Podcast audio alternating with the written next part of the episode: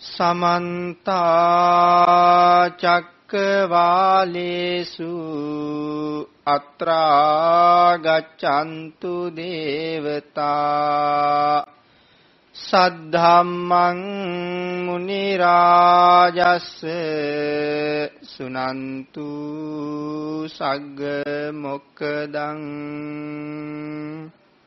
සද්ධර්ම ශ්‍රාවක කාරුණික ගුණගරුක බෞද්ධ පින්නතුනි මේ අවස්ථාවේ මේ විශාල පිරිසක් මේ ස්ථානයට පැමිණිලා සැදී පැහැදී සූදානම් වෙන්නේ ලෞතර ශාන්තිනායක සම්මා සම්බුදුරජාණන් වහන්සේ ලෝක සත්වයන් පිළිබඳව අනන්ත අප්‍රමාණ දයාවෙන් කරුණාවෙන් යුක්තව දීර්ඝ කාලයක් මුළුල්ලේ අවබෝධ කරගෙන දේශනා කර වදාරන්නට යෙදුන 84000ක් තරම් වූ මහා ධර්මස්කන්ධයෙන් අබමල් රේණුවකටත් වඩා අඩු බොහෝම පුංචි කොටසක් දේශනා කරවගෙන ධර්ම ගෞරවයේ පෙරදරි කරගෙන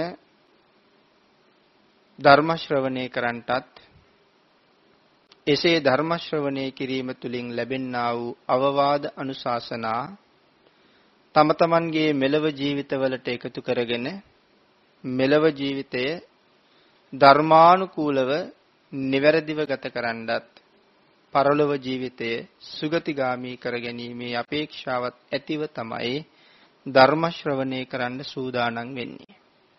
ඒ වගේම මේ පින්නතුන් අද ධර්මයේ උගන්වා වදාළ මහගු පින්කම ධර්ම දානමය පින්කම සිද්ධ කර ගන්නවා. මේ ධර්ම දේශනාව ඔබේ නිවසේ සිද්ධ කරගත්තා නම් ඔබේ ප්‍රදේශයේ සිද්ධ කරගත්තා නම් කීප දෙනෙක් විතරක් ශ්‍රවණය කරනවා. නමුත් අද මේ බෞද්ධයා ගුවන් විදුලි නාලිකාව හරහා විසිරුවා හැරීම තුළින් දේශීය විදේශීය බෞද්ධ ජනතාව මේ ධර්ම දේශනාව ශ්‍රවණය කරනවා. විශාල පිරිසකට ශ්‍රවණය කරන්න අවස්ථාව උදා කර දීම තුළින් ඔබට ලැබෙන්නා වූ ධර්ම දානානිසංසය අතිශයින්ම මහත්ඵලයි මහානිසංසදායකයි. ලෞතර බුදු පියාණන් වහන්සේ උගන්වා වදාලා මෙහි ආනිසංස ප්‍රමාණයන් කොච්චරද කියලා. නිතර ධර්ම ශ්‍රවණය කරන අය හැටියට සමහර වෙලාවට ඔබ දන්නවා ඒ කොයිතරම්ද කියලා. නමුත් මේ අවස්ථාවේ ඔබේ හිතේ ශ්‍රද්ධාවත් සතුටත් වඩා වර්ධනය කර ගැනීම වෙනුවෙන් මම කෙටියෙන් සිහිපත් කළොත් බුදු පියාණන් වහන්සේ දේශනා කරනවා යම් කෙනෙක් දැහත් වට්ටියක් සකස් කරගෙන ගිහිල්ලා පිළිගන්වලා ස්වාමීනි ධර්ම දේශනාවක් කරන්න ආරාධනාවක් කළොත් ඒ ආරාධනාව දුන්න පුද්ගලයා ධර්ම ශ්‍රවණය නොකලත් ඔහුට ලැබෙන ආනිසංස ප්‍රමාණය මහා කල්ප 8ක් කියලා. ඒ ආරාධනාව නිසා යම් කෙනෙක් ධර්ම ශ්‍රවණය කළොත් මුළු ධර්ම දේශනාව නෙවෙයි සිත කය වචනය කියන තුන්දොර මනාව සංවර කරගෙන ඒ ධර්මයෙන් සුළු කොටසක් ශ්‍රවණය කළොත් ශ්‍රවණය කළ තැනැත්තාට ලැබෙන ආනිසංස ප්‍රමාණය මහා කල්ප 9ක් හැටියට දේශනා කළා. පින්නතුනි අපි හැමෝගෙම බලාපොරොත්තුව නිදන ප්‍රාප්තියට පත්වෙච්ච අයට පින් දෙන්න. ඒ අය අපි දෙන කුසල් ලබන්න පුළුවන් තැනක උප්පත්තිය ලැබලා ඉන්නව නම් ඒ අයට කුසල් ලැබෙනවා මහා කල්ප එකකට. ධර්මයේ දේශනා කරන අයට ලැබෙන කුසල කුසල ප්‍රමාණය බුදුරජාණන් වහන්සේ මෙච්චරක්ය මෙපමණක්ය කියලා සීමා නොකරනවා. ඒ තරම් ඔබට අපට අප්‍රමාණ කුසල් රැස් කරන්න පුළුවන් මහඟු පින්කමක් අපි මේ අවස්ථාවේ සිද්ධ කරගන්නේ. පිනතුනි අද දවසේ ඔබ වෙනුවෙන් ධර්මදේශනාව සිද්ධ කරන්න මම අරමුණු කරගත්තේ අපේ ත්‍රිපිටකයෙන් එක තැනකින් හොයාගන්න බැරි. ඊ타ත්ම අපහසුයෙන් තැන් තැන් වලින් විශේෂයෙන් අටුවා ග්‍රන්ථ වලින් හොයාගන්නට අවශ්‍ය සුවිශේෂී වූ ධර්ම කාරණා කොටසක් ඔබටත් ඔබ නිසා මේ ධර්ම දේශනාව ශ්‍රවණය කරන මේ ලක්ෂ සංඛ්‍යාත පිරිසටත් දැන අවබෝධ කරගන්න ඉදිරිපත් කිරීම තමයි අද ධර්ම දේශනාව තුළින් මම කරන්න බලාපොරොත්තු වෙන්නේ.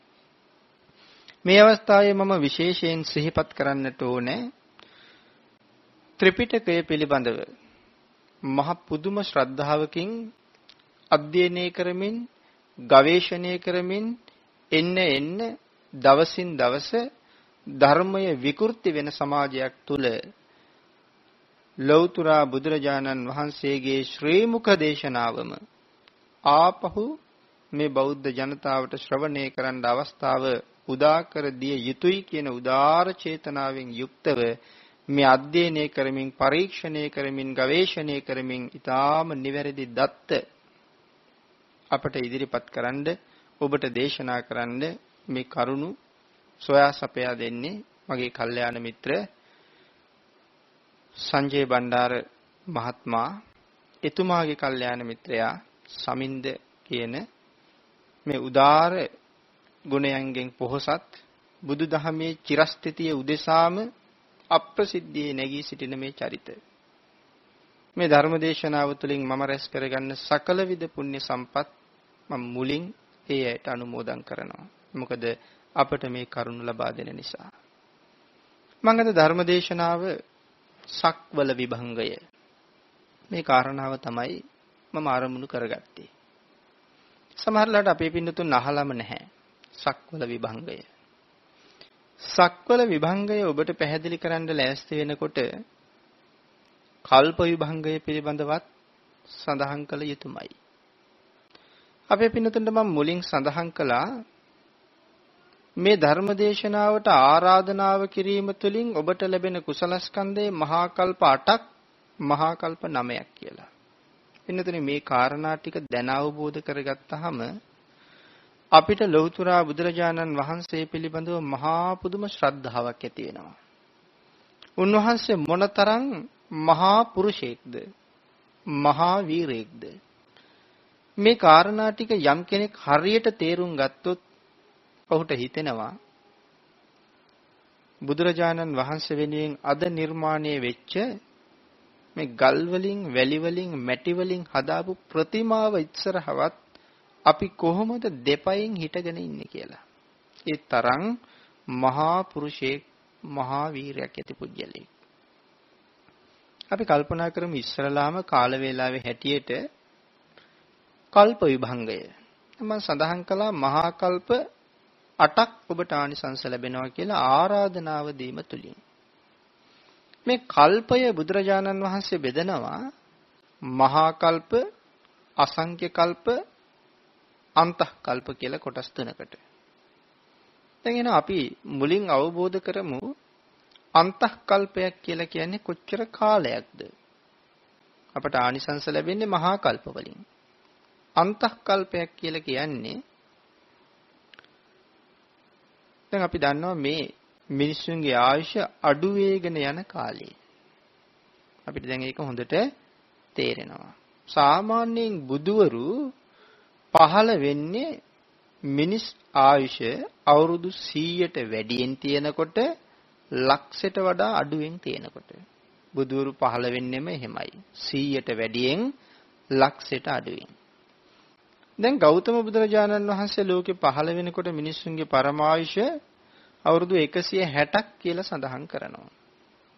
දැන් ඒක අඩු වෙලා අඩු වෙලා ඇවිල්ලා වර්තමානයේ වෛද්‍යවරු සඳහන් කරනවා දැන් උපදින මිනිස්සුන්ගේ ආයුෂ පිරිමි කෙනෙකුගේ නම් අවුරුදු 70ට සීමා වෙලා කාන්තාවකගේ නම් අවුරුදු 65ට සීමා වෙලා වර්තමානයේ. දැන් 160 අඩු වෙගෙන එනවා. මේක තව කොච්චරට අඩු වෙනවද? අවුරුදු 10ට අඩු වෙනවා.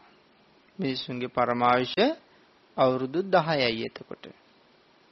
මේ 10ට අඩු වුණාට පස්සේ එතන ඉඳලා ආයුෂ වැඩි වෙන්න පටන් ගන්නවා අසංකේයයට. 10 ඉඳලා එකපාරම අසංකේයයට යනවා නෙවෙයි. 10යි 11යි 15යි 20යි ඔහොම ටික ටික ටික ටික වැඩි වෙවි අසංකේයයට ගමන් කරනවා. දැන් අපේ පින්නතුන් මේ අසංකේය කියහම ගණනක්. දැන් ඔබට දැනෙනවද අසංකේය කියන්නේ කීයද කියලා? අසංකේයයි. අපේ පින්නතුන් දන්නවද මේ අපි ජීවත් වෙන වර්තමාන ලෝකයේ ගණන් කරන්න අපි පාවිච්චි කරන ලොකුම ගණන දන්නවා. කෝටි ලක්ෂයයි. ඔක තමයි අපි හඳුන්වන ලොකුම ගණන. දැන් මේ කෝටි ලක්ෂය දැන් පාවිච්චි කරන්නේ නැහැ.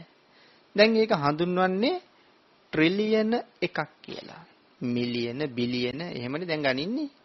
එතකොට කෝටි ලක්ෂයයි කියන එක හඳුන්වන්නේ ට්‍රිලියන එකයි. ට්‍රිලියන එක ලියන්න අපි පාවිච්චි කරන ඉලක්කම් ගණන 1.12යි. ට්‍රිලියන එකක් කෝටි ලක්ෂයක් 1.12යි. දැන් එතකොට කල්පනා කරන්න අසංකේය ලියන ඉලක්කම 1.140යි. ට්‍රිලියන එකක් කෝටි ලක්ෂයක් ලීවේ 1.12න් නම් අසංකේය ලියන ඉලක්කම තමයි 1.140යි. කොච්චර දීර්ඝ කාලයක්ද කියලා බලන්න. ඒ 10 ඉඳලා වැඩි වෙනවා. ඔබත් අසංකේය ආයුෂ භුක්ති විඳා මමත් භුක්ති විඳලා තියෙනවා. ඒක තමයි සංසාරේ හැටි. අපි එච්චර ඈත ඉඳලා එන අය. අසංකේයයට ගියාට පස්සේ මේක ආපහු අඩු වෙනවා ටික ටික ටික ටික ටික ටික අඩු වෙවි අඩු වෙවි අඩු වෙවි අඩු වෙවි එවිල්ලා ආපහු කෝටියයි එතකොට මිනිස්සුන්ගේ ආයුෂ කෝටියයි ලක්ෂයයි එහෙම අඩු වෙගෙන ආපහු 10ට එනවා 10න් පටන් අරගෙන අසංකේයයටත් අසංකේයයේ සිට ආපහු 10ටත් අඩු වෙන කාලය මේ අතර කාලයට කියනවා අන්තකල්ප එකක් කියලා තේරෙනවද 10 සිට අසංකේයයටත් අසංකේය සිට 10ටත් අඩු වෙන කාලයට කියනවා අන්තකල්ප එකක් කියලා. කවදාවත් බුදුවරු පහළ වෙන්නේ නැහැ ආයුෂ වැඩි වෙන අතරේ. බුදුවරු පහළ වෙන්නෙම ආයුෂ අඩු වෙන කාලෙට. එතකොට අපි ජීවත් වෙන මේ කල්පය අසංඛ්‍ය කල්පයක්. අපි මේක හඳුන්වනවා භද්‍ර කල්පයක් කියලා. භද්‍ර කල්පයක්. ලෞතර බුදුරජාණන් වහන්සේ වහන්සේලා පස් නමක් මේ අසංඛ්‍ය කල්පය තුල පහළ වෙනවා. ලෞතර බුදුරු පස් දෙනෙක්. එතකොට මේ අසංඛ්‍ය කල්පයේ දැනට ගෙවිලා තියෙනවා අන්තක්කල්ප තුනක් ගෙවිලා ඉවර වෙලා තියෙනවා. මේ අසංඛ්‍ය කල්පයේ දැනට අන්තක්කල්ප අර 10න් අසංකේයයටත් අසංකේයයෙන් 10ටත් අඩු වෙන කල්ප තුනක් ගෙවිලා තියෙනවා. මේ තුන තුලම පහළ වුණා ලෞතර බුදුවරු. දන්නව නේද? කකුසඳ අන්ත අසංඛ්‍ය කල්පේ පටන් ගත්තම කල්පේ අන්තක්කල්පේ පටන් ගත්ත පහළ වුණා කකුසඳ බුදුරජාණන් වහන්සේ ඒ අන්තක්කල්පේ ඉවරලා කොණාගම බුදුරජාණන් වහන්සේ ඒ අන්තකල්පය ඉවර වෙනකොට කාශ්‍යප බුදුරජාණන් වහන්සේ ඊළඟ කල්පේ ඉවර වෙනකොට ගෞතම බුදු පියාණන් වහන්සේ පහළ වුණා. මේ දැන් ඒක ඉවර වෙමින් යන කාලේ අපි කාගේ ශාසනයද මේ? ගෞතම බුදු පියාණන් වහන්සේගේ ශාසනයේ අපි ඉන්නේ. දැන් අපේ ආයුෂ අවුරුදු 65ට 70ට සීමා වෙලා. තව අනාගතයේ අපේ බලාපොරොත්තුවක් තියෙනවා ධර්මයේ උගන්වනවා තවත් බුදු කෙනෙක් පහළ වෙනවා කියලා. දන්නවද මෛත්‍රී කියන බුදු පියාණන් වහන්සේ අනාගතයේ පහළ වෙනවා. උන්වහන්සේ පහළ වෙන්නේ මේ දැන් අපේ ආයුෂ දැන් 70ට 65ට සීමා වෙලානේ 10ටම අඩු වෙනවා. එතනින් පටන් ගන්නවා ඒක ටික ටික ටික ටික වැඩි වෙනවා අසංකේයයට. අසංකේයයට වැඩි වෙලා ඒක ආපහු අඩු වෙනවා කෝටි 1000යි එහෙම එහෙම එහෙම ඇවිල්ලා මිනිස්සුන්ගේ ආයුෂ අවුරුදු කෝටියයි එහෙමත් අඩු වෙලා ඇවිල්ලා ලක්ෂ 99යි 98යි එහෙමත් අඩු වෙලා දැන් මිනිස්සුන්ගේ පරමායුෂ කීයද ලක්ෂයයි අන්න එහෙම වෙනකොට මෛත්‍රී බුදු පියාණන් වහන්සේ ලෝකේ පහළ වෙනවා. එතකොට උන්වහන්සේ මේ හෙට අනිද්දා පහළ වෙයිද? තව තියෙනවා ඒකට ගණනින් ගණන් කළ නොහැකි කාල සීමාවක්. උන්වහන්සේ පහළ වෙලා ඉවර වුණහම මේ අසංඛ්‍ය කල්පේ අන්තක්කල්ප කීයක් ඉවර වෙනවද? 5යි. 64න් 5ක් අඩු වුණාම තව කීයක් තියෙනවද? 59යි. අපේ බුදු පියාණන් වහන්සේ දේශනා කරනවා ඉතිරි කල්ප 59ටම බුදු කෙනෙක් පහළ වෙන්නේ නැහැ කියලා. ඉතිරි කල්ප 59ටම බුදු කෙනෙක් පහළ වෙන්නේ නැහැ. ඒ කල්ප 59 ඉවර වෙනකොට අන්තක්කල්ප 64ක් ඉවර වෙනවා. ඊට පස්සේ ලෝකය විනාශ වීමේ කාලය උදා වෙනවා. දැන් අපි කතා කරුවේ මහා කල්ප ගැන. එහෙනම් අන්තක්කල්ප 64ක් අසංඛ්‍ය කල්ප එකක්. අසංඛ්‍ය කල්ප 4ක් මහා කල්ප එකක්. එතකොට මහා කල්පයක් ඇතුලේ 10 සිට අසංඛ්‍යයට අසංඛ්‍යයේ සිට 10ටත් අඩුවන කාල නැත්තම් අන්තක්කල්ප තියෙනවා 256ක්. මහා කල්පයක් ඇතුලේ. එතකොට මේ දැහත් වට්ටිය දීලා ආරාධනා කළාම අපට ආනිසංස ලැබෙන්නේ මහා කල්ප 8ක්. ඒ කියන්නේ අන්තක්කල්පණන් එතන තියෙනවා 2048ක්. බණ ඇහුවහම ඔබට ලැබෙනවා මහා කල්ප 9ක්. ඒ කියන්නේ අන්තක්කල්පණන් 2304ක්. ආනිසංසය. කල්පනා කරන්න ආරාධනාවක් කරලා බණ පදයක් අහලා මෙච්චර ආනිසංස ලැබෙනවා නම් ලෞතුරා බුදුදහමෙන් අල්ප මාත්‍රයක් මගේ ජීවිතයට එකතු කරගෙන ඒ ධර්මය මත මම ක්‍රියාත්මක වුණොත් මගේ ජීවිතයට මොනතරම් ආනිසංස ලැබෙයිද මොනතරම් ආරක්ෂාවක් මට තියෙයිද නමුත් අපි ගාව එහෙම හැඟීමක් බලාපොරොත්තුවක් නම් නැහැ. සුනාමි ව්‍යසනය ආපු වෙලාවේ අපි ලෝකෙටම කෑ ගහලා කීවා මේ ලෝකේ පරම නිර්මලම ධර්මය බුද්ධ ධර්මයයි. මහ විශාල ගොඩනැගිලි තිබුණ තැනක්වත් හොයාගන්න බැරුව මුහුදට කැඩිලා විශ් වෙලා යනකොට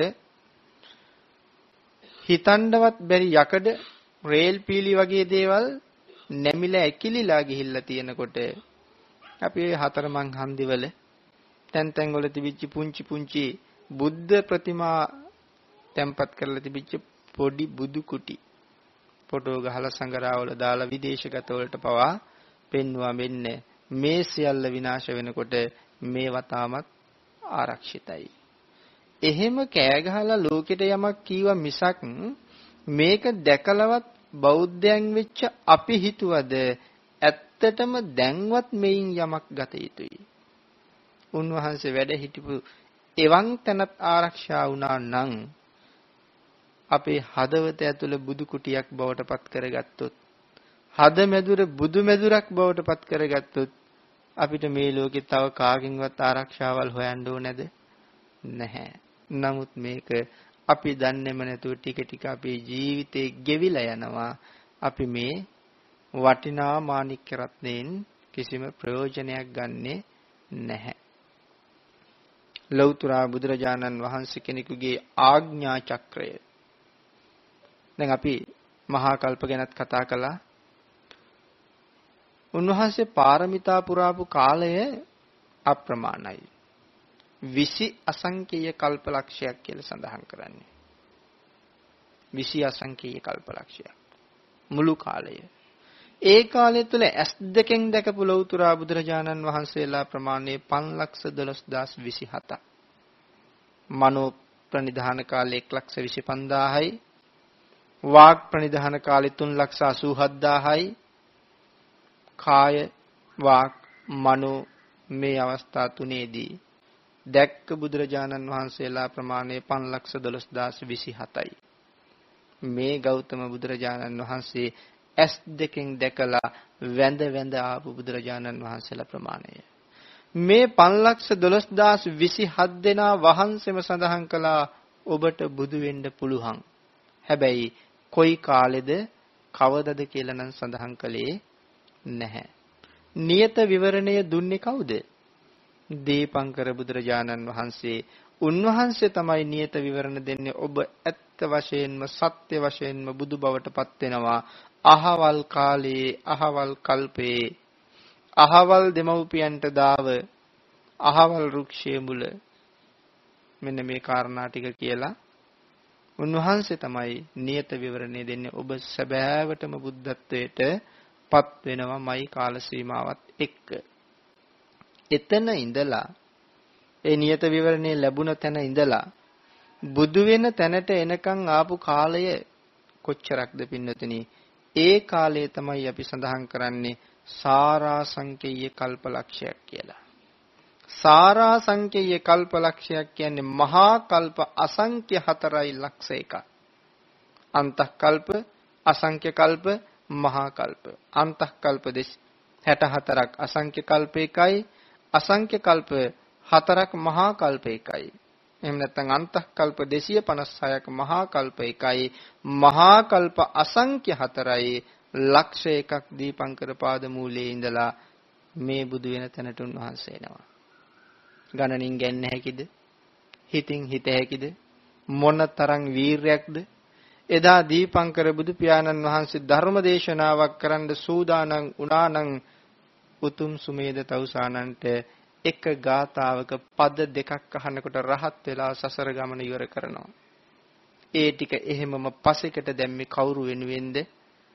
ඔබ වෙනුවෙනුත් මම වෙනුවෙනුත් තමයි ඒ ටික අතහැරලා අසංඛ්‍ය කල්ප ලක්ෂ හතරක් සංසාරේ ආපහු දුකට බැස්සේ අපි සංසාරයෙන් එතර කරන්න. ඒකයි මං මේ මහා පුරුෂයාගේ අප්‍රමාණ ගුණ කදම්බේ ළඟ අපි කොහොමද දෙපයින් හිටගන්නේ කියලා. නමුත් අපි අද මේ ගැන මහ ලොකුවට හිතන්නේ නැහැ.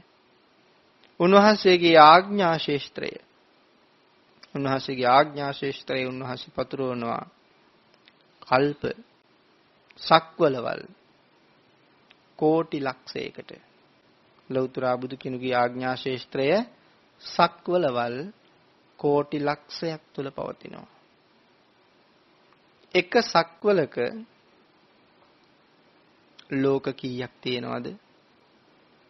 31ක් තියෙනවා. එක සක්වලක ලෝක 31යි බ්‍රහ්ම ලෝක 16යි දිව්‍ය ලෝක 6යි මනුෂ්‍ය ලෝක 1යි නිරයයන් 8යි මේ ටික එකතු වෙච්චාම ලෝක 31යි මේ එක සක්වලක්. මේ සක්වල ආලෝකමත් කරන්න පායන්නේ එක ඉරකුයි එක හඳකුයි. සක්වලක් ආලෝකය කරනවා එක ඉරක් එක හඳක්. එතකොට ඒ වාගේ සක්වලවල් කීයක්ද? කෝටි ලක්ෂයක්. ඒ කියන්නේ ට්‍රිලියන නම් එකක් එක සම්මා සම්බුදු කෙනෙකුගේ ආඥා ශේෂ්ත්‍රයේ පැතිරෙන ප්‍රදේශයේ ආටානාටි සූත්‍ර දේශනාව උන්වහන්සේ දේශනා කළා මේ සක්වලවල් කෝටි ලක්ෂයට මැහෙන්න. ධම්මචක්කප්පවත්තන සූත්‍ර දේශනාව උන්වහන්සේ දේශනා කළා මේ සක්වලවල් කෝටි ලක්ෂයට මැහෙන්න. මේ බුදු කෙනෙකුගේ ආඥා ශේෂ්ත්‍රයේ පැතිරෙන ප්‍රදේශයේ උන්වහන්සේට පුළුවන් නම් එච්චර ප්‍රදේශයක් ආමන්ත්‍රණය කරන්න. උන්වහන්සේ කොයිතරම් මහා පුරුෂයෙක්ද මොනතරම් ශ්‍රේෂ්ඨ උත්තමයෙක්ද. නමුත් අද ඉන්නවා මේ දේශනාවත් එහෙම නෙමෙයි මෙහෙමයි කියලා කියන්න පුළුවන් අය. එහෙම කියන අය හම්බ වෙලා නැද්ද? ඉන්නව ඕන තරම්. සමහර අය කියනවා අපායක් නැහැ. දිව්‍ය ලෝකයක් නැහැ. පෙරේත ලෝකයක් නැහැ. යක්ෂ ලෝකයක් නැහැ. ඒ ඔක්කොම තියෙන්නේ මේකේ. එහෙම කියන අය නැද්ද? එතකොට ඒ අය හඳුන්වන්න අපි මොකක් පාවිච්චි කරමුද? මොකක් කියන්නද කියලා හිතාගන්න බෑ. මේ සියල්ල අවබෝධ කරගත්ත නිසා බුදු පියාණන් වහන්සේ හැඳින්වුවා අපි සර්වඥයි කියලා. සියල්ල දත් නිසා. උන්වහන්සේගේ ලෝක විදු ඥානය එතකොට අරහෙම කියන අයට ඊට වඩා ලොකු ඥානයක් තියෙනවා වගේයි. බුද්ධ දේශනාවට වඩා පටහැනිව යාලට යමක් කියන්න පුළුවන්නේ.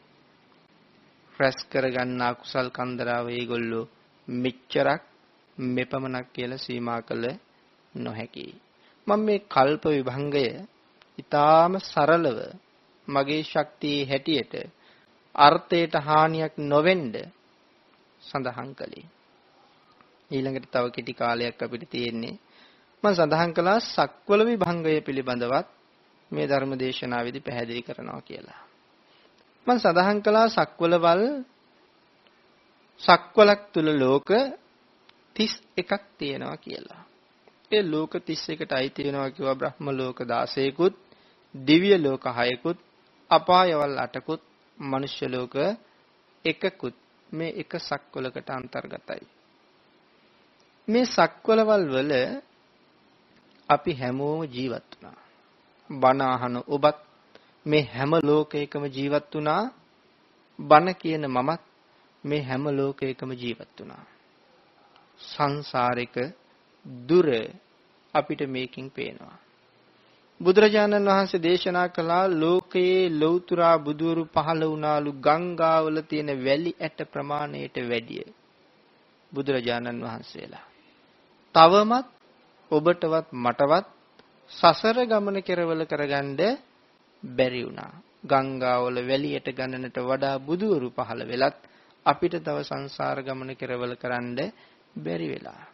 ලෞතර බුදුරජාණන් වහන්සේ දේශනා කරන යම් සත්වයෙකුගේ සසර ගමන ආරම්භ වුණේ කොතනද කියලා නම් මට පෙනෙන්නේ නැහැ. උන්වහන්සේට පෙනෙන්නේ නැත්නම් ඒක කොච්චර ඈතක පටන් ගන්න ඇද්ද? එවෙනම් පින්නතුනි අපි ආපු සාංශාරික ගමන අද අපි මිනිස්්‍ය ලෝකේ ඉපදිලා ජීවත් වෙනවා. මේ අනික් හැම තැනකටම ගමන් කළේ මෙතන ජීවත් වෙලා. මිනිස්්‍ය ලෝකේ ඉඳලා රැස් කරගත්ත දේවල් වල ප්‍රතිඵලත් එක්ක. එමනම් අපිට යන්න තියෙන වැඩිම ආයුෂ තියෙන තැන.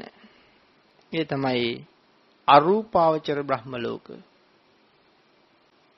ඒ වැඩිම අවශ්‍ය තියෙන්නේ නේව සංඥා නා සංඥායතනෙ කියන බ්‍රහ්ම ලෝකේ. ආයු ප්‍රමාණය මහා කල්ප 84000ක්. දැන් අපි මහා කල්ප වල ආවිෂය කෙටියෙන් මතක ඇති. මේ නේව සංඥා නා සංඥායතනයේ උපන් අයට තියෙන ආයුෂ ප්‍රමාණය මහා කල්ප 84000ක් ඒගොල්ලන්ට ආයුෂ තියෙනවා. හිතන්නකො කොච්චර කාලයක්ද කියලා. මහා කල්ප 84000ක්. ඒ ගණන හිතන්න ගියොත් අපිට හිතන්න බෑ. ආකින්චඤ්ඤායතනයේ තියෙන ආයුෂ ප්‍රමාණය මහා කල්ප වලින් 60000ක්. ආකින්චඤ්ඤායතන අරූපාවචර බ්‍රහ්ම ලෝක. මේ වගේ රූප නැහැ. මිනිස්සු හැටියට රූප පෙනෙන්න නැහැ. නමුත් බ්‍රහ්ම ලෝක හිත් පවතිනවා. රූප පෙනෙන්න නැහැ. නමුත් සත්වයා ගිහිල්ලා උප්පත්තිය ලබන තැන් විඥානං ඡායතනෙ කියන බ්‍රහ්ම ලෝකයේ ආයු ප්‍රමාණය මහා කල්ප 40000ක් මහා කල්ප 40000ක් ආකාසානං ඡායතනේ ආයුෂ ප්‍රමාණය මහා කල්ප 20000ක් කියලා ධර්මයේ සඳහන් කරනවා. ඒ වාගේ තැනකට යන්න බුදු පියාණන් වහන්සේ දේශනා කළා එපා කියලා. සංසාරේ මේ තැන්වල ජීවමාන බුදුවරු දැකපු බ්‍රහ්මවරු කොච්චර ඇද්ද? සමහරලාට ඒගොල්ලෝ බුදුවරු දෙන්න තුන් දෙනා දැකලා ඇති. නේද? මේ පහළ වෙච්ච මෙතෙක් පහළ වෙච්ච බුදුරජාණන් වහන්සේලා නම් සිව් නමම මේ කට්ටිය දකින්න ඇති.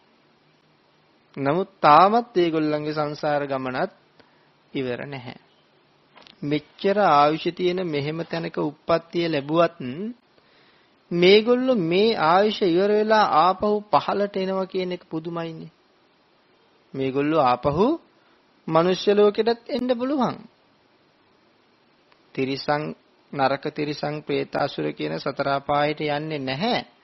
නමුත් නැත්තේත් නෑ සමහර වෙලාවට මේ අය නිරයට වැටෙන්නත් ආපහු පුළුවන්. තිරිසං ලෝකේ ඉපදෙන්නත් ආපහු පුළුවන්. නමුත් මහා කල්ප 84000 60000 40000 20000 බ්‍රහ්ම ලෝකවල ආයු භුක්ති විඳ අය. ඊළඟ බ්‍රහ්ම ලෝක තව පහක් තියෙනවා. අවිහ අතප්ප සුදස්ස සුදස්සි අකනිට්ටක. මේ පහ හඳුන්වන්නේ සුද්ධාවාස කියලා. ඒවා හඳුන්වන්නේ සුද්ධාවාස.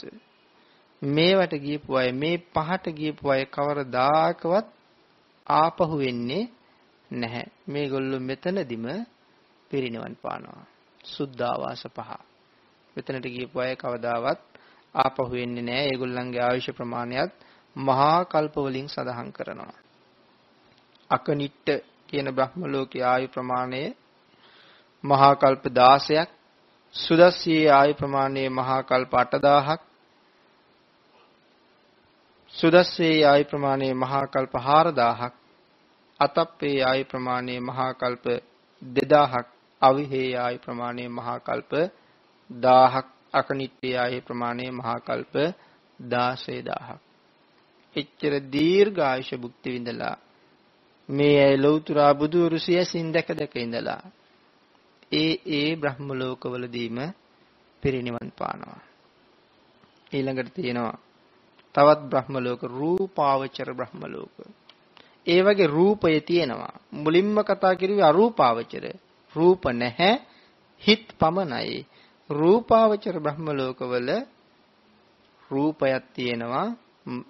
දිව්‍යමය රූපය අපිට පෙනෙනවා. ඒගොල්ලන්ගේ ආයු ප්‍රමාණයත් ඊටා විශාල ආයු කාලයේ ඇයට තියෙන්නේ. වේහප්පලේ ආයු ප්‍රමාණය වේහප්පලේ සහ අසඤ්ඤ සත්වය. මේ දෙකේ ආයු ප්‍රමාණය මහා කල්ප 500ක් පරිත්ත සුභ අප්පමාන සුභ සුභකින්හ කියන මේ වගේ ආයු ප්‍රමාණයන් මහා කල්ප 16යි 32යි 63යි ආදී වශයෙන්. ඊළඟට තියෙන්නේ පරිත්තාබ අප්පමානබ ආභස්සර මහා කල්ප දෙකක් මහා කල්ප හතරක් මහා කල්ප හතක් මේගොල්ලන්ගේ ආයු ප්‍රමාණය. අවසානයේ තියෙන බ්‍රහ්ම පාරිසජ්ජයේ සහ බ්‍රහ්ම පුරোহিතයේ මහා බ්‍රහ්මය. මෙවුවා එක සමාන තලවල පිහිටලා තියෙන අය. එකින් එකට ඉහළ නෙවෙයි. එක සමාන තලවල මේවා පිහිටලා තියෙන්නේ. ඒගොල්ලන්ගේ ආයු ප්‍රමාණය අසංඛ්‍ය කල්ප කාලයි. ඒ කිවි ලීවොත් ඉලක්කමෙන් 1.35යි. ඊළඟගේ ආයු ප්‍රමාණය අසංඛ්‍ය කල්ප භාගයයි. බ්‍රහ්ම පුරোহিතයේ ආයු ප්‍රමාණය 1.70යි. ඊළඟේ ආයගේ ආයු ප්‍රමාණය අසංඛ්‍ය කල්ප 1යි 1.140යි. මේ මේ බ්‍රහ්ම වරුන්ගේ ආයු ප්‍රමාණය. මේ හැම බ්‍රහ්ම ලෝකයක්ම එක සමාන තලයේ පිහිට පෙව්වා හැර යදුන් ලක්ෂ ගණන් වලින් ඉහළින් පිහිටලා තියෙන්නේ. මෙහි පටන් ඊළඟ ලෝකයට යදුන් ලක්ෂ ගණන් දුර පිහිටලා තියෙන්නේ. ඒ වගේ දුරින් දුරින් දුරින් මේවා පිහිටලා. ඊළඟට තියෙන්නේ දිව්‍ය ලෝක 6. දිව්‍ය ලෝක 6 පිළිබඳව නම් අපේ අය බොහෝම හොඳට අහලා තියෙනවා, බොහොම හොඳට දන්නවා. චාතුම් මහා රාජිකය, තාවතිංසය, යාමය, තුසිතය, නිම්මාන රතිය, පරනිම්මිත, වසවර්තිය. මේ වගේ උප්පත්තිය ලබාපු අය ආපහු ඒ ආයුෂ භුක්ති විඳලා පහලට වැටෙනවා. අපායටම වැටෙන්නත් පුළුවන්. තිරිසන් ලෝකෙට වැටෙන්නත් පුළුවන්. පෙරේතය වෙලා ඉපදෙන්නත් පුළුවන්. මනුෂ්‍ය ලෝකෙ උපදින්නත් පුළුවන් මේ අය. නමුත් දැන් දිව්‍ය ලෝකවල අප්‍රමාණ සැප සම්පත් මේ ඇයි භුක්ති විඳිනවා. චාතුම් මහරජකේ තියෙන්නේ මනුෂ්‍ය ලෝකයේ ඉඳලා යොදුන් 42000ක් ඉහළින්. යොදුනක් කියලා කියන්නේ හැතක්ම කීයක්ද? 16ක්. යොදුනක් කියලා කියන්නේ සතපුම් නම් 16යි. සතපුම් 16 වූ 42000කට ඉහළින් තමයි මනුෂ්‍ය ලෝකයේ ඉඳලා චාතුම් මහරජකේ තියෙන්නේ. තාවතින්සේ තියෙන්නේ චාතුම් මහරජකේ ඉඳලා යදුන් 42000ක් ඉහළින්. ඊළඟ දිව්‍ය ලෝකයේ යාමේ තියෙන්නේ ඒ දිව්‍ය ලෝකේ ඉඳලා තවත් යදුන් 42000ක් ඉහළින් මේ වාගේ සමාන දුරින් දුරින් තමයි මේවා පිහිටලා තියෙන්නේ. ඊළඟට මේ වගේ තියෙන ආයු ප්‍රමාණය කෝටි සහ ලක්ෂ වලින් අරගොල්ලන්ගේ ආයුෂ මැන්නේ මහා කල්ප සහ අන්තః කල්ප අසංඛ්‍ය කල්ප වලින් මේගොල්ලන්ගේ ආයුෂ මයින්නවා ලක්ෂ වලින් සහ කෝටි වලින් චාතුම් මහරජිකේ ආයු ප්‍රමාණය මනුෂ්‍ය වර්ෂ වලින් අවුරුදු 90 ලක්ෂයයි. තාවතින්සේ මනුෂ්‍ය ආයුෂ ප්‍රමාණය මනුෂ්‍ය වර්ධ වර්ෂ වලින් 3 කෝටි 60 ලක්ෂයයි. යාමේ ආයු ප්‍රමාණය මනුෂ්‍ය වර්ෂ වලින් 14 කෝටි 40 ලක්ෂයයි. තුසිතේ ආයු ප්‍රමාණය 57 කෝටි 60 ලක්ෂයයි. බෝධිසත්වවරු පහළ වෙන්නේ තුසිත දිව්‍ය ලෝකේ. අනාථපිණ්ඩික සිටුතුමා මරණයත් සමගම උප්පත්තිය ලැබුවේ තුසිත කියන දිව්‍ය ලෝකේ. අදත් ඒ අය තුසිත දිව්‍ය ලෝකේ සැප සම්පත් භුක්ති විඳින අය. මාතෘ දිව්‍ය රාජයා උප්පත්තිය ලැබුවේ තුසිත දිව්‍ය ලෝකේ. ආයු ප්‍රමාණය අවුරුදු 57 කෝටි 60 ලක්ෂයයි. ඊළඟ දිව්‍ය ලෝකයේ නිම්මාන රතියේ ආයු ප්‍රමාණය 230 කෝටි 40 ලක්ෂයයි. මනුෂ්‍ය වර්ෂ වලින් ආයුෂ 230 කෝටි 40 ලක්ෂයක් විශාකා මහ උපාසිකාව එහි උප්පත්ති ලැබලා ඉන්නවා කියලා ධර්මයේ සඳහන් කරනවා. ආයු ප්‍රමාණය 230 කෝටි 40 ලක්ෂයක් අවසාන දිව්‍ය ලෝකේ පරිනිම්මිත වසවර්තියේ ආයු ප්‍රමාණය 921 කෝටි 60 ලක්ෂයයි. ඒ මනුෂ්‍ය වර්ෂ වලින්. පින්නතනේ ඊළඟට කතා කරන්න තියෙන්නේ මනුෂ්‍ය ලෝකේ ගැන. අපිට ඒක ගැන අමුතුවෙන් කරුණු සඳහන් කරන්න අවශ්‍ය නැහැනේ. අපේ ආයුෂ අපි කල්පනා කරමු 70යි. නිකම්ම නිකං 70යි. ධර්මදේශනාව ඉවර වෙන්න තියෙන තව විනාඩි 5ක විතර කාලයක් සඳහන් කරන්න තියෙන තවත් වැදගත්ම කොටස තව ඉතුරු වෙලා තියෙනවා. ඒ ටික තමයි නිරය. දැන් මේ කතා කරුවේ ඉහළටනේ. ඊළඟට තියෙනවා මනුෂ්‍ය ලෝකේ ඉඳලා පහළට. අර අපි කතා කරන නැහැ කියලා කියන මේකෙම තියෙනවා කියලා කියන අපාය පිළිබඳවයි කතා කරන්න තියෙන්නේ. අපායවල ප්‍රධාන වශයෙන් 8යි. ඒ 8 ආශ්‍රය කරගෙන තියෙන පුංචි පුංචි අපායවල ඒවට කියනවා ඔසුපත් නිරයන් කියලා 128ක් තියෙනවා. ප්‍රධාන නිරයන් 8යි ඔසුපත් නිරයන් 128යි. එහෙනම් ලෞතර බුදුරජාණන් වහන්සේ ශ්‍රී මුඛයෙන්ම තමයි මේ කාරණා ටික දේශනා කරන්නේ පළවෙනිම නිරේ සංජීවය. පළවෙනිම අපාය සංජීවය. මනුෂ්‍ය ලෝකේ ඉඳලා යොදුන් 15000ක යටින් පිහිටලා තියෙන්නේ. අර ටික ඉහළින්නේ තිබ්බේ. මනුෂ්‍ය ලෝකේ ඉඳලා යොදුන් 15000ක යටින්. ආයු ප්‍රමාණයෙන් සඳහන් කරන්න ගියොත් කෝටි ගණන්. දිව්‍ය ලෝකවල ආයුෂ සඳහන් කළානේ. අඩුම ආයුෂ තියෙන දිව්‍ය ලෝකය චාතුම් මහරජිකය. මනුෂ්‍ය වර්ෂ කීයක්ද 90 ලක්ෂයයි. මේ දීර්ඝායුෂ ප්‍රකාශ කරන්න අපහසුයි. මේ අවුරුදු 90 ලක්ෂේ චාතුම් මහරජික දෙවියන්ගේ ආයු කාලයේ අවුරුදු 90 ලක්ෂයයි මේ අවුරුදු 90 ලක්ෂේ මේ පළවෙනි අපායේ සංජීවයේ එක දවසයි අවුරුදු 90 ලක්ෂයක් එක දවසයි. 90 ලක්ෂය වුව 365ක් අවුරුද්දයි. එවන් අවුරුදු 500ක් එහි අවශ්‍ය තියෙනවා. අවුරුදු 90 ලක්ෂයක් ඒගොල්ලන්ට එක දවසයි. ඊළඟ දිව්‍ය ලෝකයේ ආයුෂ ප්‍රමාණය 3 කෝටි 60 ලක්ෂයයි. මේ 3 කෝටි 60 ලක්ෂයේ කාල සූත්‍රය කියන නිරයේ එක දවසයි. 3 කෝටි 60 ලක්ෂය කාල සූත්‍රයේ එක දවසයි. එහි තියෙන ආයු ප්‍රමාණය සඳහන් කරනවා. මනුෂ්‍ය වර්ෂ වලින්. මනුෂ්‍ය කාල සූත්‍රයේ එක වර්ෂයකට. කාල සූත්‍රයේ එක වර්ෂයකට. මනුෂ්‍ය වර්ෂ කාල සූත්‍රයේ එක දවසකට. කාල සූත්‍රයේ එක දවසකට මනුෂ්‍ය වර්ෂ තියෙනවා. අවුරුදු 36 ලක්ෂයක් මිනිස්සුන්ගේ ලෝකයේ අවුරුදු 36 ලක්ෂයක් කාල සූත්‍රයේ එක දවසයි. ඊළඟට සංඝාතය. සංඝාසයේ ආයු ප්‍රමාණය සංඝාතයේ කියන අපායේ එක දවසකට මනුෂ්‍ය ලෝකයේ මිනිස්සුන්ගේ අවුරුදු තියෙනවා 1 කෝටි 44 ලක්ෂයක්. අපේ අවුරුදු 1 කෝටි 44 ලක්ෂයක් සංඝාතය කියන නිරේ එක දවසයි. වන්න කොයිතරම් දුරක් සංසාරේ අපි ඇවිල්ලාද කියලා. ඊළඟට රෞරවය කියන නිරය ඒකේ එක දවසකට බුද්ධ දේශනාවේ සඳහන් කරන මනුෂ්‍ය වර්ෂ 5 කෝටි 76 ලක්ෂයයි. කෝටි 5කුත් 76 ලක්ෂයක් මහා රෞරවය කියන නිරේ ආයු ප්‍රමාණය මනුෂ්‍ය එක දවසකට මනුෂ්‍ය වර්ෂ 23 කෝටි 40 ලක්ෂයක්. මනුෂ්‍ය වර්ෂ 23 කෝටි 40 ලක්ෂයක් මේ මහා රෞරවය කියන නිරේ එක දවසයි. අපිට අවුරුදු කෝටි ගණනක 23 කෝටි 40 ලක්ෂයක්. තවත් තියෙනවා තාපය මහා තාපය අවීචිය බුදුරජාණන් වහන්සේ දේශනා කරනවා තාපය තාපේ එක දවසකට මනුෂ්‍ය වර්ෂ තියෙන 92 කෝටි 16 ලක්ෂයක්.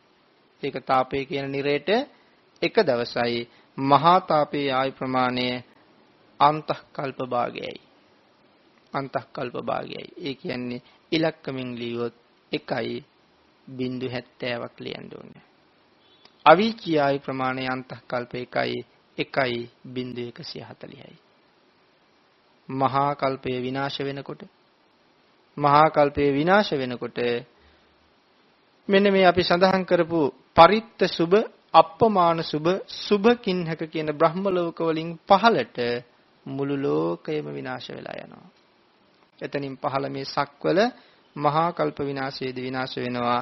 වේහප්පල අසඤ්ඤ සත්වය කියන තැන ඉඳලා ඉහළට තියෙන ලෝක ටික විනාශ වෙන්නේ නැහැ. එහෙමනම් ගින්නෙන් හත් වාරයක් විනාශ වෙනවා, ජලයෙන් එක වාරයක් විනාශ වෙනවා, වාතයෙන් එක වාරයක් විනාශ වෙනවා. ඒ විනාශ වෙනකොට මේ අපායවල ටිකත් විනාශ වෙලා යනවා. අවීචියත් විනාශ වෙනවා. නමුත් අවීචියේ ඉන්න අයගේ කර්මය තවම ගෙවිලා ඉවර නැහැ. ඒගොල්ලෝ මේ අපායේ ඉඳලා විනාශ නොවන සක්වලක වෙනත් අවීචියකට මාරු කරලා යවනවා. බාණ්ඩ කර්මයේ හැටි. කවුද මේ මාරු කරලා යවන්නේ? කර්මය. මේ කර්මයේ හැටි. එහෙනම් මෙන්න මේ වාගේ අප්‍රමාණ දුකින් පිරිච්ච සංසාරේ අපිව දුක් විඳිනවා දැකලා අපි පිළිබඳව මහ පුදුම අනුකම්පාවකින් තමයි අච්චර දීර්ඝ සාංශාරික ගමනක් මේ බුදු බව ප්‍රාර්ථනා කරන උත්තමෙක් සසරේ ඇවිදගෙන එන්නේ. අපිව මෙන්න මේ නිරයන් වලින් බේරගන්න, പ്രേත ලෝක වලින් බේරගන්න, තිරිසන් ලෝකෙන් බේරගන්න, මනුෂ්‍ය ජීවිතය ලැබලා විඳින අප්‍රමාණ දුක්ඛන්දරාවෙන් අපිව බේරගන්න එක උන්වහන්සේලාගේ ඒ කායන පරමාර්ථයයි. උන්වහන්සේලා සංසාරේ එච්චර දුක් විඳගෙන අපිව සසරින් එතර කරන්න දෙනවා අපිට ඒක කිසිම වැදගම්මක්වත් වටිනාකමක්වත් අපිට නැහැ. තියා අපි බුදු පියාණන් වහන්සේ පිළිබඳව වචනයෙන් සඳහන් කරන්නවත් උන්වහන්සේට ආමන්ත්‍රණය කරන්නවත් අපි තවම දන්නේ නැහැ. අපි කතා කළොත් නිකම්ම නිකං බුදුහාමුදුරුවෝ කියන වචනේ විතරයි. නැත්තම් බුදුහාමුදුරුවොත් මෙහෙම කීවලු. අපි එහෙමනේ කතා කරන්නේ. නේද? මේත් එක්ක එකතු කරලා බැලුවොත් අපි වෙනුවෙන් උන්වහන්සේ විඳපු දුක කෘතගුණ දන්නා જાතීන් සංගණනයක් කළොත් කෘතගුණ නොදන්නා જાතීන් සංගණනයක් කළොත් ඒකේ එකට වැටෙනවා බෞද්ධයන්. જાතීන් නෙමෙයි ආගමිකයන් වර්ගීකරණයටපත් කළොත් ඒකේ කෘතගුණ නොදන්නා ආගමිකයන් අතර බෞද්ධයෝ වැටෙනවා එකට. මේ වගේ කිසිම ශාස්ත්‍රූරෙක් සංසාරේ දුක් විඳගෙන ඇවිල්ලා තියෙනවද? නැහැ. කවුරුවත් මේ වගේ සත්‍ය දහමක් දේශනා කරලා තියෙනවද? නැහැ. නමුත් අපි උන්වහන්සේට සලකන්න තිය කතා කරන්නවත් දන්නෙත් නැහැ. ධර්ම දේශනාවට තියෙන කාලය ඉවරයි. අපි පින්නතුන්ට මේ ගණන් සහ ඉලක්කම් කාල සීමාවන් මතක නැහැ.